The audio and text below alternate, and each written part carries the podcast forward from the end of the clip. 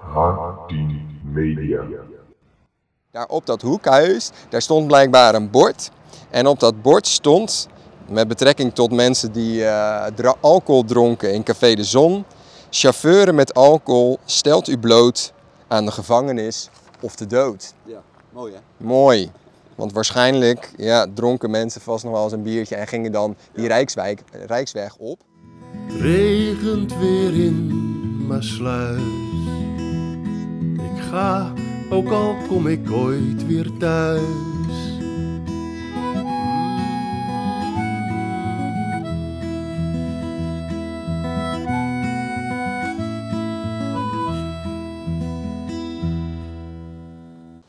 Hallo allemaal en welkom bij een nieuwe aflevering van de Maasluizen podcast.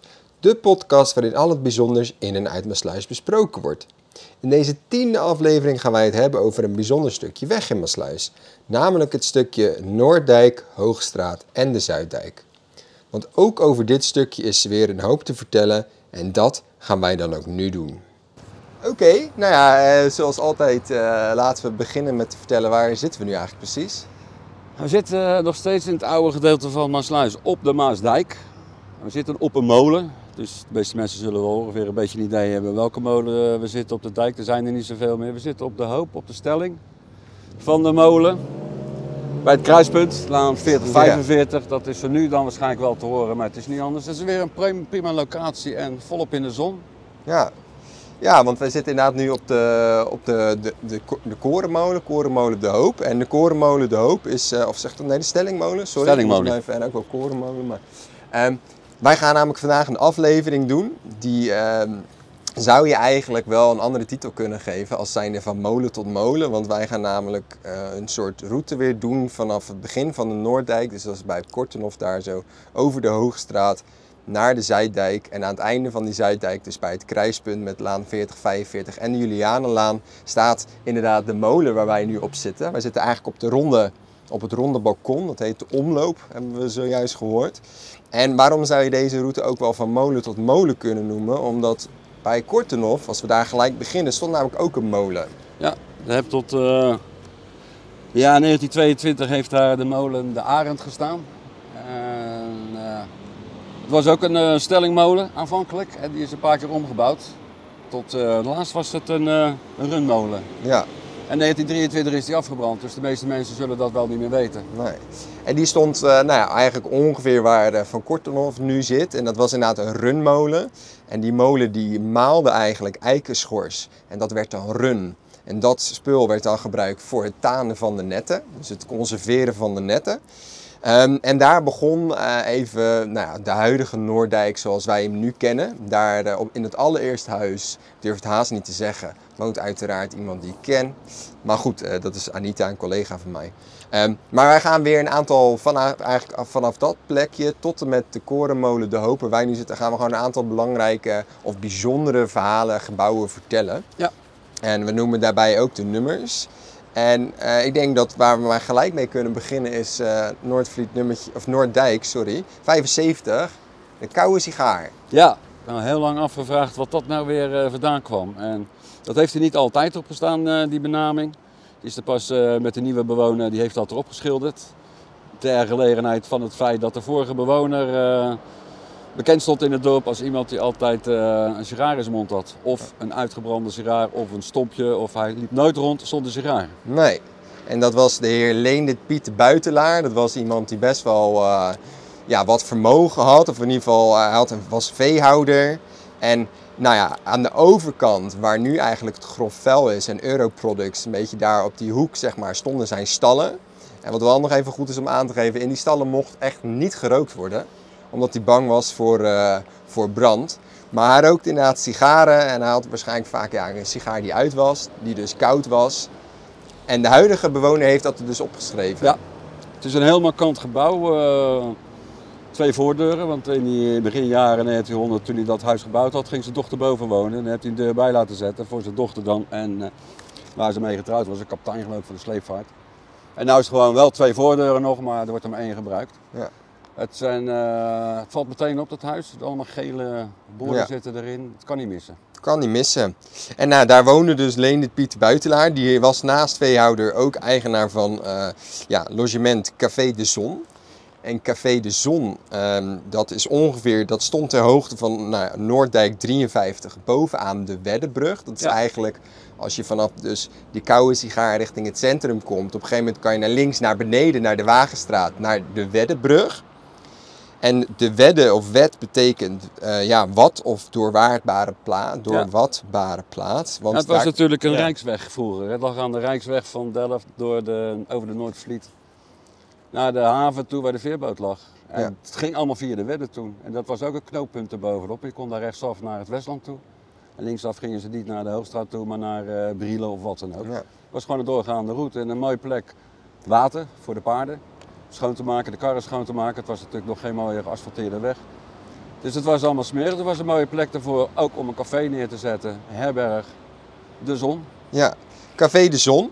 En ehm, op het hoekhuis, eigenlijk op het moment dat je dus eh, die Weddenbrug omhoog loopt en je gaat naar links richting de Hoogstraat. Daar op dat hoekhuis, daar stond blijkbaar een bord. En op dat bord stond, met betrekking tot mensen die dra- alcohol dronken in Café de Zon. Chauffeuren met alcohol stelt u bloot aan de gevangenis of de dood. Ja, mooi hè? Mooi. Want waarschijnlijk ja, dronken mensen vast nog wel eens een biertje en gingen dan die Ja. Rijkswijk, Rijksweg op. Ja. En wat ik altijd wel leuk vind is aan die Weddenbrug, als je daar omhoog gaat, dan kun je het pad naar links of naar rechts met de bocht meevolgen. En die, die kenmerken zijn er eigenlijk nog steeds. Ja. En die zijn, aange, die zijn aangegeven daar, of die zijn er om ervoor te zorgen dat je met paard en wagen niet een hele scherpe draai hoeft te maken. Ja. Dus die kun je nog steeds, eh, kun je nog steeds zien. Ehm, nou, en die Weddenbrug die is wel een aantal keer vernieuwd. En hoe heet dat watertje, weet je dat? Ai, even eh Oké, nieuwe water. het nieuwe water. Oké. Voor mij heet dat nieuwe water en dat gaat over in die Fortegracht, eh Goudsteen. eh, daar. Ja, Ja. oké. En dan komt hij uiteindelijk dus uit bij uh, nou, Monsieur Paul, Bij de viswinkel daar zat. Ja, dat stroomt onder die eh Fortegrachtbrug brug door. Daar Ja. komt hij vandaan. Oké. Nou, dus wij zijn eigenlijk nog steeds met, met het Noordgeer aan onze rechterhand. eh, lopen we voorbij in ieder geval eh, ook die Weddenbrug. Nou, dan zijn er eigenlijk een aantal nieuwbouwhuizen. Er staan soms ook nog wat oudere dijkwoningen, maar het is een beetje een combinatie van. En de eerste plek die we gaan eh, behandelen, of die wel een bijzonder verhaal is, zit dan aan onze linkerhand. Dus we lopen nog steeds naar het centrum. Dat is de Karnemelksteeg. Ja, Karnemelksteeg en Karnemelkbrug. Karnemelkbrug en Karnemelksteeg. En. Ik heb begrepen dat dat heel misschien wat met karnemelk te maken heeft, maar hoogstwaarschijnlijk meer met karmelieten. Ja, Karmelieten ja. Ja, er zijn natuurlijk eh, verschillende verhalen, maar Karmelieten is het meest waarschijn, waarschijnlijke. Als je, er zijn nog een aantal plaatsen, steden in Nederland. Die hebben ook nog een eh Karnemelklaan of Stegendijk. En het, zij hebben dat allemaal afgeleid van de Karmelieten. En de Karmelieten is een kloosterorde van de Rooms-Katholieke Kerk. Ja. En je gaat heel ver terug in de tijd, hè, want het is ontstaan tijdens de kruistochten 1200 of iets dergelijks, die orde. Maasland was natuurlijk eh, het centrum van dit gebied hier en daar stond ook al een kerk. En die karmelieten gingen daar wel heen, maar we hadden hier ook een kapel staan op de dijk waar we daar nog op terechtkomen. En daar gingen de jongens ook regelmatig naartoe om daar hun geloof te beleiden. En dat ging dan via dat bruggetje. Ja. En dat kwam omdat zij dus eh, op blote voeten liepen. Ja. En eh, dus dat was voor hen eh, een makkelijke weg eigenlijk, de kortste weg naar, om hun, ja, naar hun kerk of naar hun kapel. Ja. En waarschijnlijk is karnemelk een verbastering dan van karmelieten. Ja. En je vindt ook nog een karnemelkstraat in Rotterdam, die ook weer verbonden is aan de karmelieten. Dus voor de mensen die zich nog afvragen waar die karnemelknaam vandaan komt, hoogstwaarschijnlijk de verbastering van karmelieten. Ja. Ehm, nou, als we dan ietsje verder lopen, nou, dan komen we eigenlijk twee lege plekken tegen. Zowel links een, een onbebouwd stuk dijk, Ja. gelijk naar die Karnemelksteek. En ook rechts, wat heel lang onbebouwd was, maar nu, waar ze nu de rederij aan maken, maken zijn. Ja, de eerste kale stuk is waarschijnlijk, is niet waarschijnlijk, is ontstaan door het bombardement van 43. Ja. En nooit herbouwd dat gedeelte. En dat andere stuk, daar heeft dan een paar grote woningen staan, waaronder Ja. de bekende villa van eh, de familie Ja. Dirkswagen. En dat, dat, waar, dat laatste stuk waar jij het over hebt, is de, het stuk aan de haven. Dus dat is eh, buitensdijks. En nou ja, jij zei inderdaad dat daar, daar stonden eigenlijk best wel lang drie grote panden. Eh, een winkel een stal en inderdaad op de hoek die kenmerkende villa van Dirk Zwager. Ja. En wie waren de Dirk Zwagers? Dirk Zwager, ja, dat is toch, eh, die is heel lang al aan de stad eh, verbonden geweest, de familie Dirk Zwager. bestaat nog steeds eigenlijk dat eh, op, de- op het havenhoofd, Schanshoofd aan de andere kant, daar staat nog steeds Dirk Zwager. Die scheepstijdingen vanaf het begin dat hier iets ontstond. Het was de eerste haven van de Maasmond.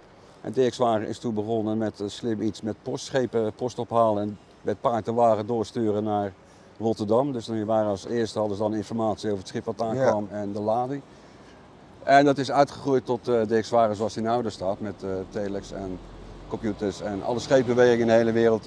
Alles gaat via Zwager. Veel Ja. gaat via Zwager, wat naar Rotterdam gaat. Ja, en zodoende zat er daarnaast dus ook een stal voor die paarden. En die stal is uiteindelijk, voor dat zou, kunnen mensen zich wellicht nog beter herinneren, ehm, Café de Fury of eh Sint-Petrus. Dat was een café wat daar heel lang in dat gat heeft gestaan. En dat was, zoals ik heb begrepen, dus gebouwd op die plek van die stal. Ja. En die is zo eind 20e eeuw is dat eh, is is weggegaan. weggegaan. En toen is het eigenlijk heel lang parkeerplaatsen zijn Ja. het geweest. Totdat je eh, dus nu de, de rederij daar gaat Ja. krijgen waar ze mee bezig zijn. Ja, nog een, een opvallend dingetje op het ogenblik van die rederij is als je het laatste pand neemt aan deze kant van eh, waar de Schansbrug is, op de hoek eigenlijk van de Villa daar zat een torentje bovenop. Ja. Nou, eh 58 is dat pand verdwenen en nu wordt dat herbouwd. Die nieuwe appartementenhuizen die er komen en het typische van het hoekhuis heeft ook zo'n erker in de vorm van het erkertje wat op de villa van Dirkswagen stond. Dat is wel eh, Ja. leuk meegenomen. ja, dus dat gaan ze nagenoeg exact zoveel mogelijk nabouwen. En dan voordat we de Hoogstraat induiken, even tegenover dus dat hoekpand van Dirk Zwager, wat dus nu een soort van wordt nagemaakt, staat ook een bijzonder pand, dat andere hoekpand. Nou ja, heb ik, ik vind dat altijd een bijzonder pand, want iemand is daar, ik denk dat dat misschien kunstenaars zijn of zo, die Ja. hebben daar hele eh, bijzondere dingen in staan. Was vroeger een winkel, ehm, is nu, ja, volgens mij wonen daar wel mensen, maar altijd wel bijzonder om daar langs te lopen, om gewoon even een blik naar binnen te werpen. Ehm, en dan, ja, dan komen we eigenlijk bij die Hoogstraat. Dat is eigenlijk het tweede gedeelte van deze tour, om het zo maar te zeggen. Ehm, en dan het eerste huis wat je aan je rechterhand tegenkomt, dus aan de buitensdijks, aan de haven, is het koppelstokhuis nummertje 17. Ja. En ik heb, als je dat bordje leest, staat daar dat ze de rol van deze meneer even buiten beschouwing laten of niet bespreken. Ja, dat heeft met de watergeuzen te maken. Ja. Daar was hij ook bij betrokken. Verraad eh, naar de ene kant Oké. toe, et cetera. Maar dat valt buiten de beschouwing. De Koppelstok was zelf een, veerboot, bootje. En de trekschuit die gevaren heeft tussen Delft en Maasluis, die binnenkort weer in de vaart komt, die stopt natuurlijk in de Veerstraat. Maar de meeste mensen die daar aankwamen, moesten verder naar eh Brielen of Hellevoetsluis. Dus dan moesten ze die dijk oversteken en aan de andere kant lag hij met zijn bootje te wachten. En die bracht ze dan verder. Maar het was een type hengst. Zeg je dat wat? Nou, volgens mij heb ik daar laatst iets over gelezen. Over iets met hengst. Maar ik weet niet meer precies nou, wat. het is, het is een, een, zeiljol eh, en er konden waarschijnlijk twee, drie passagiers in. En daarmee ging hij aan. Als je precies wil weten hoe die eruit zit, in dat pand zelf, bovenin de nok, zit een gevelsteen. Met een type hengstboot erop. Oké, misschien zou dat het wel kunnen zijn. Dat ik dat heb gelezen. En die ging naar... De, nee, ging die veer, hij ging altijd met Den Briel te maken, hij of niet? Jawel, ja, nou, met die watergeuzen Ja, natuurlijk. Hij was natuurlijk ve- vaste veerman, maar Sluis en eh, Den de Briel. Briel. En ten tijde van de watergeuzen ja, het schijnt er hier of daar iemand wat eh, verraden te hebben over de bezetting van eh, het Schanseiland en dergelijke, waardoor Ja. ze, et cetera. Maar dat is een verhaal apart en de feiten en, en een beetje loopt alles een beetje door elkaar heen. Het is ook lang geleden. Nou Ja. ken ik uiteraard weer iemand, dat is echt waar, die op, aan de... Dat is een dikke Harley. Die aan de Koppelstokstraat woont in Den Briel. Ja. Uiteraard. Zo, het, is- het is eigenlijk een hele kleine wereld. Eh, daar tegenover stond dus tot 1960, tegenover dat Koppelstokhuis, eh 1966, de, het kleine kerkje. Ja. Nou, die is op een gegeven moment verdwenen. Daar is nieuwbouw voor in de plaats gekomen. Ehm, als we dan toch aan de kant van de koppelstok blijven, eh aan, dus echt aan dan een beetje de wat mooiere panden, om het zo maar te zeggen. Dan komen we op een gegeven moment bij het gemeenslandshuis, nummertje 11. Ja, dat is wel echt een toppertje. Ja, dat is echt een Ja, toppertje. dat is echt Ja. mooi. Ja, gewoon een heel mooi pand. We hebben het al vaker over gehad. Ja. Natuurlijk, eh, ook omdat het nu een Airbnb is, wordt het wel redelijk goed onderhouden natuurlijk. Ja. En veel van de inrichting is ook nog zoals het geweest is. Er is weinig veranderd, wel opgeknapt, gerestaureerd. Het is eh, in staat van nieuw, zullen we maar zeggen. Ja. En Ja, aan, eh, zie je ook dat als je naar die Hoogstraat überhaupt kijkt, en zeker die panden aan de haven, die hebben eigenlijk allemaal twee voorgevels. Ja, voorkant en achterkant was net zo belangrijk voor het Juist, aanzicht. Dat is heel precies. bijzonder. Maar ja, het is wel begrijpelijk. Ja. Het is eh, natuurlijk wel het eerste wat je ziet als je met de boot aankomt, het aanzicht van de Hoogstraat. Hoogstraat komt trouwens van het feit dat het Hoog was. hoog was. Hoge Zeedijk. Nou, het lag hoger dan het omringende land. Dus je ziet in allerlei plaatsen en dorpen zie je de Hoogstraat voorbij komen. Maar als je goed oplet zie je dat het op de dijk ligt en hoger ligt. En het was een belangrijke straat natuurlijk. Ja. Maar goed, schepen die aankwamen zagen natuurlijk eerst die Stadhuiskade. Ja. Ja, dat was natuurlijk een plaatje. Ja, tot de jaren 1950 en 60. Want toen trad het verval toe en eh, veel foto's gezien dat Ja, die huizen allemaal ja. werden. En, eh, gelukkig is het allemaal gerestaureerd en niet verdwenen zoals waar de kerk stond, waar nu die appartementen zijn. Maar dat is eh, behouden gebleven. Ja. Nou, even nog een laatste triviaatje met betrekking tot eh, dat, eh, dat huis in ieder geval. Want de deur, dus aan de kant van de Hoogstraat, noemden ze vroeger Fraai Lofwerk. L-O-F-F-W-E-R-C-K, maar goed. En daarbovenop, ja, er staan allemaal wapens, waaronder een dubbele adelaar. En die, dat, dubbele adelaar komt omdat toen de tijd Albrecht van Beieren een belangrijke man ook was hier. En ook ja, een van die families, denk ik. En als je ook gaat kijken naar het Beierse wapen in Duitsland, zie je daar ook een dubbele adelaar. Dus dat is weer een mooie link met, eh, ik zou zeggen, een Duitse geschiedenis. Wellicht wel, misschien niet. Maar goed, eh, ja, en dan komen we uiteindelijk bij eh, de volgende nummers. Nou, er wonen ook wel weer allemaal wat bekende. Maar goed, daar gaan we het niet over hebben. Misschien nog wel de moeite waard om nummer 5 even te benoemen. Want dat is een van onze trouwe luisteraars. Meneer en mevrouw van Arkelen volgens mij. Dus, eh, maar goed, dat even tussen neus en lippen door. En dan komen we bij nummer 3, als we nog steeds aan die kant blijven. Ja. En dat is het Raadshuis. Ja. Het Hedendaagse Sleepvaartmuseum. Ja. Daar hebben we eigenlijk al een paar keer gezeten. Eh, hebben we het ook al een paar keer over gehad. Ja.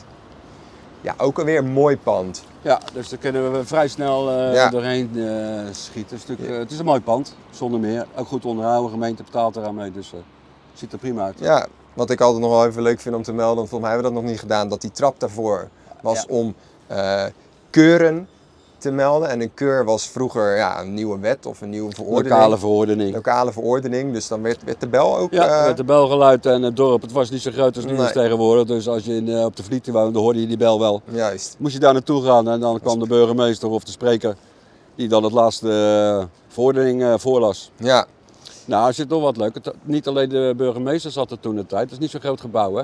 Want de secretariaat zat natuurlijk ergens anders. Hier zat alleen de burgemeester en de schout en de hoofd van de politie. Veel meer mensen zaten er niet. Maar de politie had er ook mee te maken. Als je eigenlijk op die trap staat, daaronder zit de gevangenis. oké. Dat deurtje deur wat zit er het? nog in en eh, daar zit een kleine ruimte onder. En dat was de gevangenis, om een lokale oproerkraais. Tegenwoordig zou je er niet genoeg aan hebben. Nee, Maar toen de tijd, als ze bij café eh, de zon vandaan kwamen, kon je ze daar even tijdelijk opnuchteren, denk ik. ja. Nog een leuk weetje daar eigenlijk van het stadhuis. Dan stoppen we met de kant. Aan de zijkant van het stadhuis zit de brievenbus. Juist. Dat is, eh, die zit er nog niet zo lang hoor. Eh, dat is een originele brievenbus uit 1874. Echt een originele die er zit. Bij in de loop der jaren is dat overal in Nederland zijn die weggehaald en nieuwe van die dubbele brievenbussen geplaatst, et cetera, et cetera. Dankzij de inspanning van een bepaald persoon, de heer eh, Van Ree van de HVM. Die is er achteraan gegaan en die heeft voor elkaar gekregen een originele brievenbus weer terug te krijgen. En die hebben hem laten restaureren en die zie je nu aan de zijkant. Er zijn er niet veel meer in, eh, Nederland. in Nederland. Dus het is echt wel een bijzondere brievenbus. Gooi er niks in, want hij wordt nooit meer gelicht. Nee, dat is, op zich, dat is inderdaad wel even goed om te vermelden. Ehm, ja, en als we dan, we gaan wel straks verder eh, na de Hoog, Hoogstraat door, maar we hebben natuurlijk ook nog de andere kant van de Hoogstraat. Waar we nu een klein beetje, we hebben het gehad over de kerk, de nieuwbouw, eh, maar daar hebben toch nog wel wat dingen gestaan. Eh, bakkerij Poortman, eh, die toen de tijd heel erg bekend was om de Maasluisse bruidsuikers. Klopt ja. Er zat een pruikenmaker, er zat een schoenenwinkel, dus voornamelijk winkels. En op de hoek met de wip eh, zat een kledingmaker. Daar zitten nu de meiden van Ambacht. Ja. Als je daar trouwens bij hen naar beneden gaat, zie je ook nog de oude gebogen ja, gebo ja, bogen in de kelder. Dus best wel bijzonder. In de dijk zitten. Ja, dus dat is, daar zijn nog best wel wat hele oude kenmerken te Ja. zien. Eh heeft daarvoor een keer in Eiders Pub gezeten. Dat is eigenlijk mijn persoonlijke eerste herinnering met, eh, met dit pand. Nou, dan gaan, dan gaan we eigenlijk dus nu naar de Zuiddijk. Ja, nog een klein stapje terug dan. Hè? Als de tijd kan nog wel, denk ik. Ja, prima. Want al die huizen waar je het net over hebt, die er allemaal zaten, die hadden de achteruitgang beneden aan de dijk, aan de achterkant. En dat heette toen een tijd, nog steeds heet dat de schoolslop. Oké. En de schoolslop slop, die liep eigenlijk van de Veerstraat tot aan de Wip door. Daarna is het Zeemanshuis gekomen, het is allemaal dichtgetimmerd, je kan er niet meer doorheen lopen. Maar die hadden allemaal de uitgang aan de kant van de dijk achter. Dus Ja. daar zaten ook de werkplaatsen van die, eh, van die winkels die er zaten en dergelijke. En, Kledingmakers, door- schoenenmakers. Ja, ja. En ze hebben die kerk afgebroken toen de tijd en met het uitgraven kwamen ze diezelfde Bogen. bogen kwamen daar tegen. Daar heeft een klein schooltje onder gezeten en toen dat wegging kwamen al die bogen daar nog Ja. eh, tevoorschijn. Ja. Ja. Bijzonder. Oh, weet je, het zijn uiteindelijk allemaal bijzondere plekken natuurlijk. Ehm, ja, en als we dus het einde van die Hoogstraat hebben, dan steek je eigenlijk ja, de Wateringse sluis over. Nou hebben er hoogstwaarschijnlijk ooit wel huizen op die sluis gestaan. Ja. Er is een schilderij van J.B. Jonkind, dat heet Huis op de Sluis. Ja. Ehm, maar ja, die zijn er uiteraard niet meer, dat weten we allemaal. En dan komen we bij de Zuiddijk. Ja. Ja, en de Zuiddijk is ook weer een plek waar heel veel over te vertellen is. Ja, eigenlijk eh, het eerste stuk ben je relatief snel klaar aan de rechterkant. Het zijn allemaal appartementen. Het bijzondere daarvan is eigenlijk dat dat in eh, 19, eh, wanneer is het? 19... 39. Werd dat, werd, stond daar- Ja, toen, toen werden de bestaande huizen werden toen gesloopt daar allemaal, want dan moest het nieuwe stadhuis komen in Juist. 1939. De tekening heb ik gezien. Als het doorgegaan was, hadden we een prachtig mooi stukje raadhuis, stadhuis erbij gekregen, maar helaas. Dus dat is eh, plat gegaan tegen de grond, oorlog brak uit en het heeft heel lang leeg gestaan. Ja. En volgens En- mij zijn ze in 1982 eh, zijn die appartementen gekomen. Ja. Is het, in de volksmond was die ruimte bekend als De Put. Ja. Dus je ziet die naam nog steeds, Als de straatnaam. dat is de straatnaam. Ja. En ja, dat is even dat stuk. Dus dat is niet zo. eh Nee. jammer, Nou ja, aan de andere kant, eigenlijk op de hoek van de Wip en de Zuiddijk, staat dan Eetcafé De Dijk. Ja. Is trouwens nu te koop. Huis en kroeg of café voor 6 ton. Dus mochten mensen geïnteresseerd zijn. Maar eigenlijk op die Zuiddijk, ehm, die gehele Zuiddijk, als je hem nu ziet, er is een heel groot gedeelte waar wij nu zitten niet bebouwd. Maar het gaat ook een beetje om en om. Oude huizen, wat nieuwbouw. Ja. En wij we houden ons nu voornamelijk bezig met de wat oudere gebouwen. En de eerste die je eigenlijk tegenkomt, die we behandelen als je dus vanaf de dijk richting de korenmolen De Hoop loopt, is nummertje 11. Aan je linkerhand. Het zakkendragershuisje of het gildehuisje. ja, daar komen mensen. eh, je moest er lid van zijn van de gilde en dat was de gilde van de straatwerkers. En ja, ik wist niet precies wat ze daarmee bedoelden, maar als je dan verder eh, gaat spitten, dan kom je erachter eigenlijk iedereen die een beroep had met het buitenwerk, het sjouwen van Ja. lading, het lossen van schepen, vrachtwagens en noem maar op. Die mochten dat alleen maar uitvoeren omdat er regels aangebonden waren. Hè. Je moest eh, eh, kleding dragen en misschien veiligheidsschoenen, toen de tijd of wat dan ook. Je moest er bepaalde voorwaarden voldoen. En dan kon je pas werk krijgen. Het was niet altijd werk. Er was alleen werk als die bel geluid werd. Er zit nog steeds een bel boven dat, eh, in het huisje. Nou, als er een boot binnenkwam en die moest gelost, geladen worden, ging de bel. En eh, Ja. iedereen die er lid van was, moest er naartoe en dan werd het werk verdeeld. Ja, en dat de werk werd dan inderdaad verdeeld, want er was ah, natuurlijk best wel wat werk. Er kwamen veel boten aan. En om dat zo eerlijk mogelijk te verdelen hadden ze een smakbak.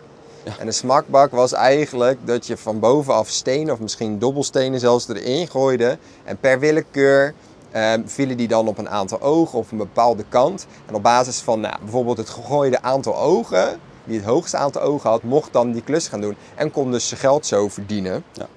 En in die gevel van dat huis, waar nu op dit moment de familie Stoorvogel woont, die tevens de eigenaren zijn van restaurant Kamelot aan de Veerstraat, zie je ook nog zo'n gevelsteen met iemand die een zak draagt. Ja, Dus dat is nog een heel kenmerkende plek. De bel hangt er ook nog. Dus dat is wel een hele bijzondere plek om eens even een kijkje te nemen. ja. Eh, want- het leuke is natuurlijk wel om te weten dat het heel weinig gescheeld heeft. Of dat huis Dat was was ook weg. Ja, dat heb ik ook Het was in zulke slechte staat. En op punt op te slopen en toen kwam er nog iemand die zegt, nou, we maken er wel wat moois van. En dat is zeer zeker gelukt. Ja, gelukkig wel. Zijn daar zijn, ben ik ook wel blij mee, want ik hou wel een beetje. Ik ga wel lekker op oude gebouwen. Ja, En ehm, nou, als we dan ietsje verder lopen, dan niet aan onze li- linkerhand, maar aan onze rechterhand, vinden we Zuiddijk nummertje 16. Dat was vroeger een schoolgebouw, dat kun je heel goed herkennen aan de hoge ramen. Is nu het Museum Maasluis. Ja, dan moet ik nog even corrigeren hier en daar, want dat werd de afgelopen uitzendingen wel een Oh. paar keer door elkaar gehaald. Het gemeentelijk museum en Ah. Museum en Sluis. Ik ben terecht gewezen en terecht. Het is echter wel zo dat van voor 2012 was het wel een gemeentelijk museum. Het is eh, door bezuinigingen en ah, terugtrekken van subsidies moesten ze een oplossing zien te vinden om verder te gaan. Stichting gekomen, vrienden van museum. En die hebben het voor elkaar gekregen dus dat ze verder konden, maar de- zonder gemeente. Dus het is nu Museum Maasluis. Juist. Yes, en dat is inderdaad wel even goed om aan te geven, want volgens mij was ik dat die dat meerdere keren heb Ik haal het ook nog steeds door elkaar. Ja, nee, maar dat is goed hoor. En eh wij houden er ook van dat onze luisteraars scherp zijn. Want eh, ja, we doen ons hartstikke best. Maar af en toe schiet er zeker wel eens wat tussendoor. Ja, en als je dan ietsje verder loopt, dan eh, kom je bij Zuiddijk 34. eh, en daar stond ooit een huis. En dat heette het Huis met de zeven, zeven hoofden. En dat staat er, staat er niet meer. Maar als je naar Zuiddijk 88 zou gaan en je kijkt goed naar die gevel, dan zie je zeven hoofden. En waar dat waarschijnlijk vandaan komt, is van een sprookje van een dienstmeid die hoorde dat er ingebroken werd. En die ging met een soort, ja, met een mes of met een sabel, daar zijn eh, de sprookjes een beetje over verdeeld. Wachten totdat die rovers één voor één binnenkwamen en ze hakten die hoofden er één voor één af. En dat mensen toen de tijd, hoogstwaarschijnlijk, die hoofden op hun gevel deden. Sommige sprookjes zeggen zeven, sommige zes. Sommigen zeggen dat het geen dienstmeisje was. Nou goed, dat zal door doorvertellen wel. Maar dat mensen dus die hoofden op hun gevel deden om mensen af te schrikken. Overvallers. En daar stond er dus eentje op nummer 34. Die is nu vervangen. Maar Zuiddijk 88, die kan je nog, daar kan je de zeven hoofden daadwerkelijk nog zien. Dat is allemaal zien. Dus nou ja, dan zit je... eh, gaan we snel. Nee, gaan we snel? Nee hoor, maar het was meer in die zin van, eh, ik denk misschien, want eigenlijk vanaf eh, als je dus het Gildehuisje hebt gehad aan die linkerhand, dan kom je op een gegeven moment bij een stuk dijk wat niet bebouwd is. Beneden aan Senet, eh Janet natuurlijk. Ja. En nou, dan- wat daar nog tussenin zit, is natuurlijk dat de Venecoliuslaan erop uitkomt. En dat is niet Ja. altijd zo geweest. Nee, die, nee, die Vinicodislaan loopt inderdaad. Die is in 1932 is die daar pas gekomen. Daarvoor heette die Zandpad. Pad. En de Zandweg loopt er eh, evenwijdig aan, een stukje Ja. meer naar het centrum toe. Ehm, daar liep vroeger, vergeet helemaal waar we nu zitten eigenlijk, daaronder stroomde de Zuidgeer. Ja. En de Zuidgeer, dat was eigenlijk de verbinding tussen de haven en eh, bijna de Bonenvliet liep die bijna door. En daar hingen de toiletten en dergelijke allemaal eh, boven. Dus het Ja. was een, een beerput, zal ik maar zeggen. Juist. Ja, want even om duidelijk te zeggen, waar zitten wij dan ook met betrekking tot die korenmolen? Wij kijken nu eigenlijk uit over de, de achtertuinen van de dijkwoningen op de Zuiddijk. Die zien we een beetje rechts. Links de Johan Evertselaan, allemaal tegen de achterkant. En eigenlijk in het verlengde daarvan zien we ja, de grote kerk. Ja, En en daartussen- ja, het, het, het groene gedeelte wat je ziet in die tuinen, al Ja. die tuinen, dolle, dat was de Zuidgeer. Juist. Daar heb je geen bebouwing op. Die is toen de tijd gedempt door een, iemand die heeft geld beschikbaar gesteld, een particulier, dat was mooi. Hij is gedempt toen. En eh, toen is die Venecoliuslaan pas gekomen. Ja. En die kreeg toen ook meteen de naam Venecolius. Die, eh, lokaal, die burgemeester die we toen de tijd hadden, die vond dat een mooi moment om eh, die Venecolius te eren met de Venecoliuslaan.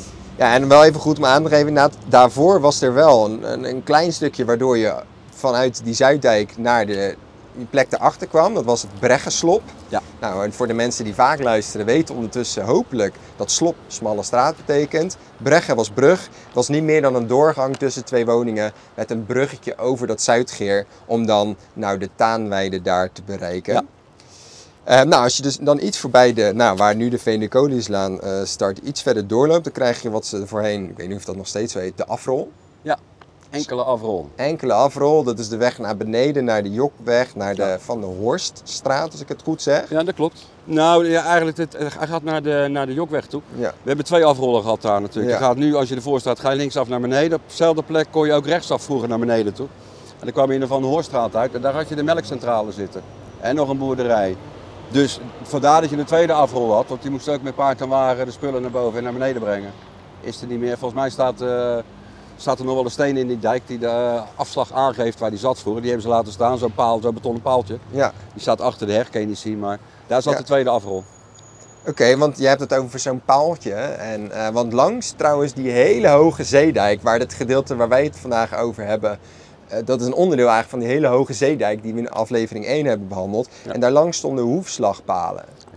En hoef stond voor hoeven, slag voor grondbezit. Dat waren eigenlijk palen die aangaven als jij dus eh, bezit, grondbezitter was aan de dijk tussen die twee palen, dan was het jouw taak om dat in orde te houden. Ja, om die dijk dus gewoon stevig te houden.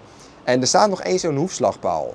Ja? En die staat op de hoek van als je vanuit de Hoogstraat komt en je rijdt over de Zuiddijk richting Korenmolen. En je gaat dus die, af, die scherpe bocht naar links, die afrol. Daar in de hoek staat nog een wit hoefslagpaaltje. Dus dat is nog een, eh, een token uit het verleden, om het zo maar te zeggen.